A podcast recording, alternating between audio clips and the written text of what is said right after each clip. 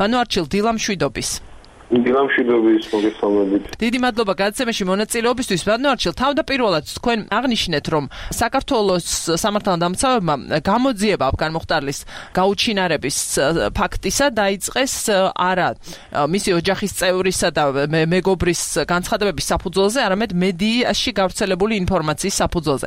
თქვენ ამ ფორმალურ მხარეს მაშინ გაუსვით ხაზი მახსოვს ჩვენთან საუბარში.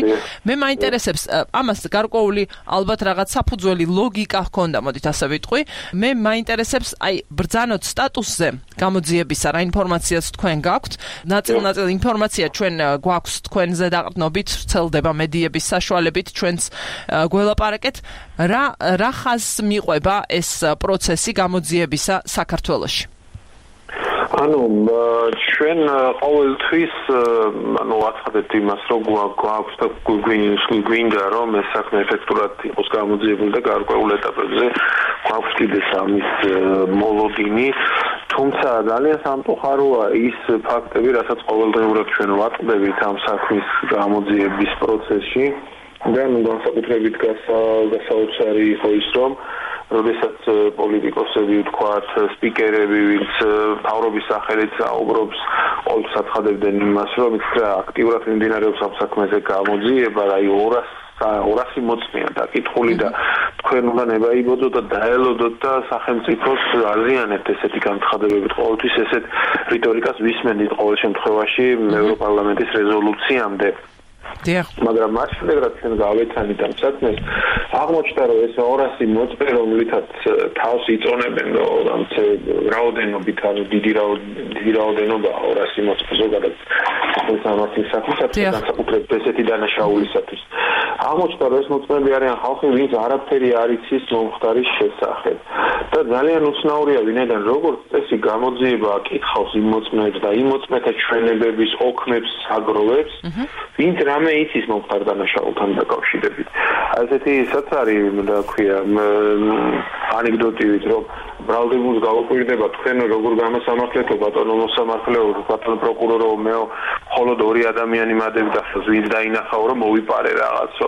ესა ორი ადამიანი გადებდაო ხელს რომ შეენო და მე შემიძლია 200 ადამიანი მოვიყვანო, ვისაც არ დაუნახავს რომ მოვიპარეო ეს. და ახლა ეს ანეკდოტური სიტუაცია დაახლოებით ამ შემთხვევაში და ესეთი წარმატებით მომავალში ორი თვის მე შეიძლება ვთქვა, რომ აი უკვე 700 მოწლია დაკითხული და ისიც რა მოდი კიდე დაელოდოთ გამოძიების შედეგად. არ არის ეს ლოგიკური, არ არის ობიექტური გასაკუთრებით იმ ფონზე, როდესაც ვიდეო მასალების ამოღება დაწყებულია დანაშაულიდან ერთი კვირის შემდეგ, შეტყობინებიდან ერთი კვირის შემდეგ, რაც არალოგიკურია ვინმე ესე დანაშაულზე პირველ მეორე და მესამე დღეს ხდება ზოგადად ვიდეო მასალის მოგროვება და ანალიტიკური დამუშავება რაც კი შეიძლება რამაც შეიძლება პასუხი გასცეს კითხვებს შემთხვევის ადგილიც კი არ არის დათვალიერებული მიაღვარის ქუჩაზე და ეხლა ანონსდება რომ თურმე აი აზერბაიჯანის ხელისუფლებას მიუმართეთ რომ მოგცენ საშუალება დავკითხოთ აფგან მუხთარლი და აი მე მე გამოხდება გარდატეხა გამოძიებაში. არ არის ეს ესე ვინაიდან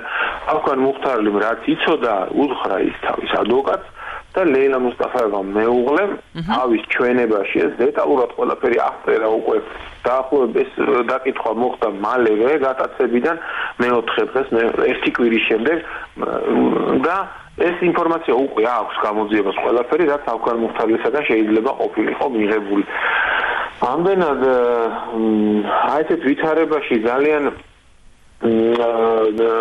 არ ვერ გააკეთებ დამაკმაყოფილებელ პროგნოზს, თამაიმედებელ პროგნოზს, რომ იცით აი მართლა არის შემთხვევები, როდესაც მონდომებულია გამოძიება, მუშაობს, მაგრამ ობიექტურად შეუძლებელია დანაშაულის გახსნა, არსებობს ესეთი დანაშაულები, მაგრამ ადამიანის გატაცება, როცა ადამიანი ვიცით ჩვენ სად არის ცოცხალია ის უგლუკლოთ არ დაკარგულა, შეიძლება ითქვას რომ ეს არის ერთადერთი შემთხვევა რაც მე მახსენდება ბოლო პერიოდში როდესაც ადამიანის გატაცების საქმე ვერ გაიხსნა თუ არ ჩავთვლით ოკუპირებულ ტერიტორიაზე გატაცებებს სადაც ეფექტური კონტროლს ახორციელებს მეზობელი ქვეყანა ამდენად აი ეს უცნაურობები ის მე დამცინავი განცხადებები რომელსაც არ ვიცი რატო აკეთებენ და ვისი დავალებით აკეთებენ რომ ჯერ ამ ადამიანის პროფესია უნდა გაგვერკვია მე უნდა გაგვირკვია რომ პასპორტი აქვს როგორი პასპორტი აქვს ვიღაცას და სადა აქვს პასპორტი.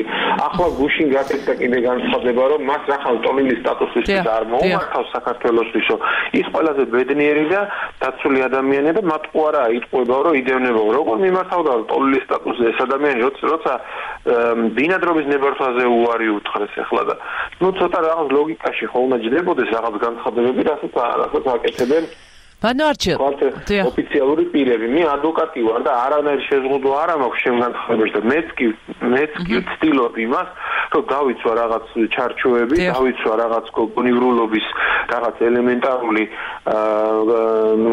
მოთხოვნები. და არ გავაკეთო ისეთი განცხადება რომელიც რაღაც რაღაცას დააზიანებს. მაგრამ შეუძლებელია ახლა დაველოდოთ ჩვენ გამოძიებას რომელიც აგროვებს მოწმეების ჩვენებას ვინც არაფერი არ იცის ამ საქმესთან დაკავშირებით.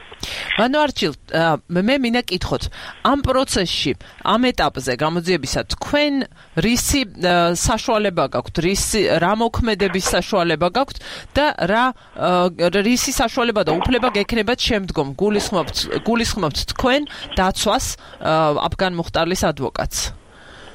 რა წვლილის შეტანა შეგიძლიათ გამოძიებაში? აი ეს მაინტერესებს. მე პირადად, ну, მე და ზოგადად დაზარალებულ მხარეს შეგვაქვს ის წვლილი გამოძიებაში, რომ მაქსიმალურად თანამშრომლობ გამოძიებასთან. ყველა რაც დახმარება შეგვიძლია ვეხმარებით გამოძიებას, აი მაგალითად, ხალხოთან ლეილას ჩვენებაზე ვისაუბრე მე. ორი ორი დღე უშედეგოდ ვითხოვთ ლეილა მუსტაფაევას საკითხავს. სანამ ტელეეთერი არ გეშღება ეს ამბავი, მანამდე ლეილა მუსტაფაევას არც კი კითხავდნენ და არც კი ინფორმაციას არ ამაგრებდნენ პროცესუალურად, როგორც ეს უნდა იყოს ის სამართლის საქმეში. ასევე ჩვენ დამატებით დიახ. გარდა გარდა იმისა, რომ შუამდგომლობებს წავადგენთ, განცხადებებს წავადგენთ გამოძიებაში და ვეხმარებით ამით გამოძიებას თუ რა საგამოძიებო მოქმედებები უნდა ჩატარდეს, რომ მივიღოთ შედეგი, ხო? აი საქმის გაცნობის შემდეგ მაგალითად როდესაც მე ვნახე ის რეალობა, რაზეც ახლა ვისაუბრე, პირველ წერილობით მოუთხოვე გამოძიებას, რომ თავი დაენებებინათ ამ არაფრის თქვენი წესებულების შეგროვებისათვის და ამოეღოთ ვიდეოკამერები შემთხვევის ადგილის მიმდებარე ტერიტორიიდან, ასევე ქალაქის გასასვლელიდან, სადაც ასახული იქნება გამტაცებლების ავტოსეპასპორტო საშუალება და მოხდა იყო ვიდეო მასალის ანალიტიკური დამუშავება.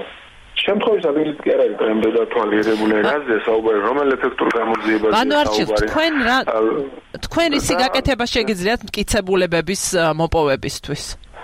კამერებს ვერ შეეხებით ხომ თქვენ?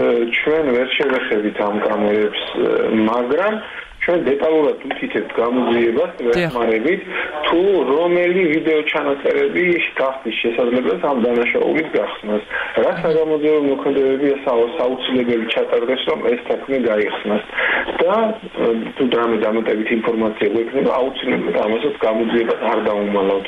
ერთის ხო აი დაზარალებულ სტატუსთან დაკავშირებით მაგალითად ვიწერს ახლა საქალაქო სასამართლოში მომიწია საჩივრიში წარდგენა და ძალიან დამღელი პროცედურების გავლა, მაგრამ გავივლით ამ პროცედურებში. ჩვენ გამოვიყენებთ კანონის გათვალისწინებელ ყველა შესაძლებლობას, რაც კი ამ გამოხდანის ინტერესების და რეა მუსტაფაევის ინტერესებისაც იქნება საჭირო. და იმ შემთხვევაში თუ არაეფექტური იქნება და ესე გაგრძელდება იმ მომავალშიც, უკვე ერთადერთი გამოსავალი გრჩება, რომ გამოვიყენოთ საერთაშორისო მექანიზმები, ევროპის ადამიანის უფლებათა დაცვის სასამართლო და სხვა ინსტრუმენტები, რაც არსებობს ადამიანის უფლებათა დაცვის კუთხით.